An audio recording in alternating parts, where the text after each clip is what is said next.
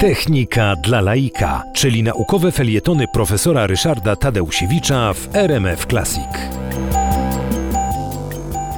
Zagadnieniem, które bardzo nurtowało nas wszystkich, ale teraz zeszło na plan dalszy ze względu na wojnę na Ukrainie, był problem epidemii, a właściwie pandemii COVID i szczepień. Byli przeciwnicy szczepień, byli ci, którzy e, te szczepienia uważali za coś ważnego i potrzebnego. Ja akurat należę do tych drugich, ale nie o tym chciałem mówić. Chciałem powiedzieć o tym, jak w ogóle wynaleziono e, metodę e, chronienia się przed różnego rodzaju epidemiami metodą szczepień. E, człowiekiem, który położył tu ogromne zasługi, był Edward Jenner, e, brytyjski chirurg, brytyjski lekarz, e, który dokładnie 14 maja 1796 roku dokonał pierwszego skutecznego szczepienia przeciwko ospie.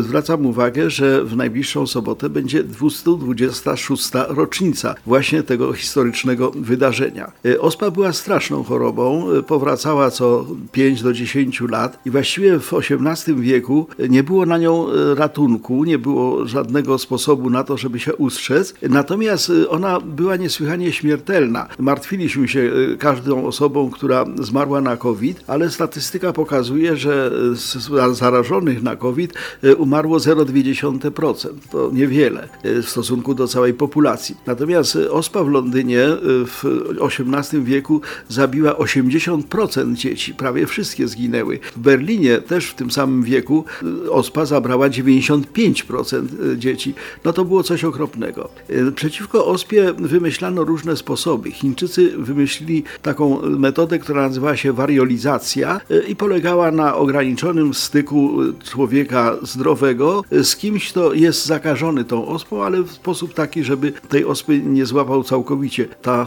metoda wariolizacji została przywieziona do Anglii przez Mary Montage, żonę ambasadora w Istambule w 1718 roku. Natomiast Jenner wymyślił coś innego i to było genialne. Okazało się, że niezbyt groźna choroba, tak zwana krowianka, ospa krowia, może zapobiegać ospie właściwej. Jenner pobrał te wirusy, a właściwie te, te próbki ropy krowianki od dojarki, która po prostu tą krowę doiła i zaszczepił chłopca, dziewięcioletniego chłopca, który się nazywał James Phillips. I okazało się, że rzeczywiście ten chłopiec był odporny na ospę.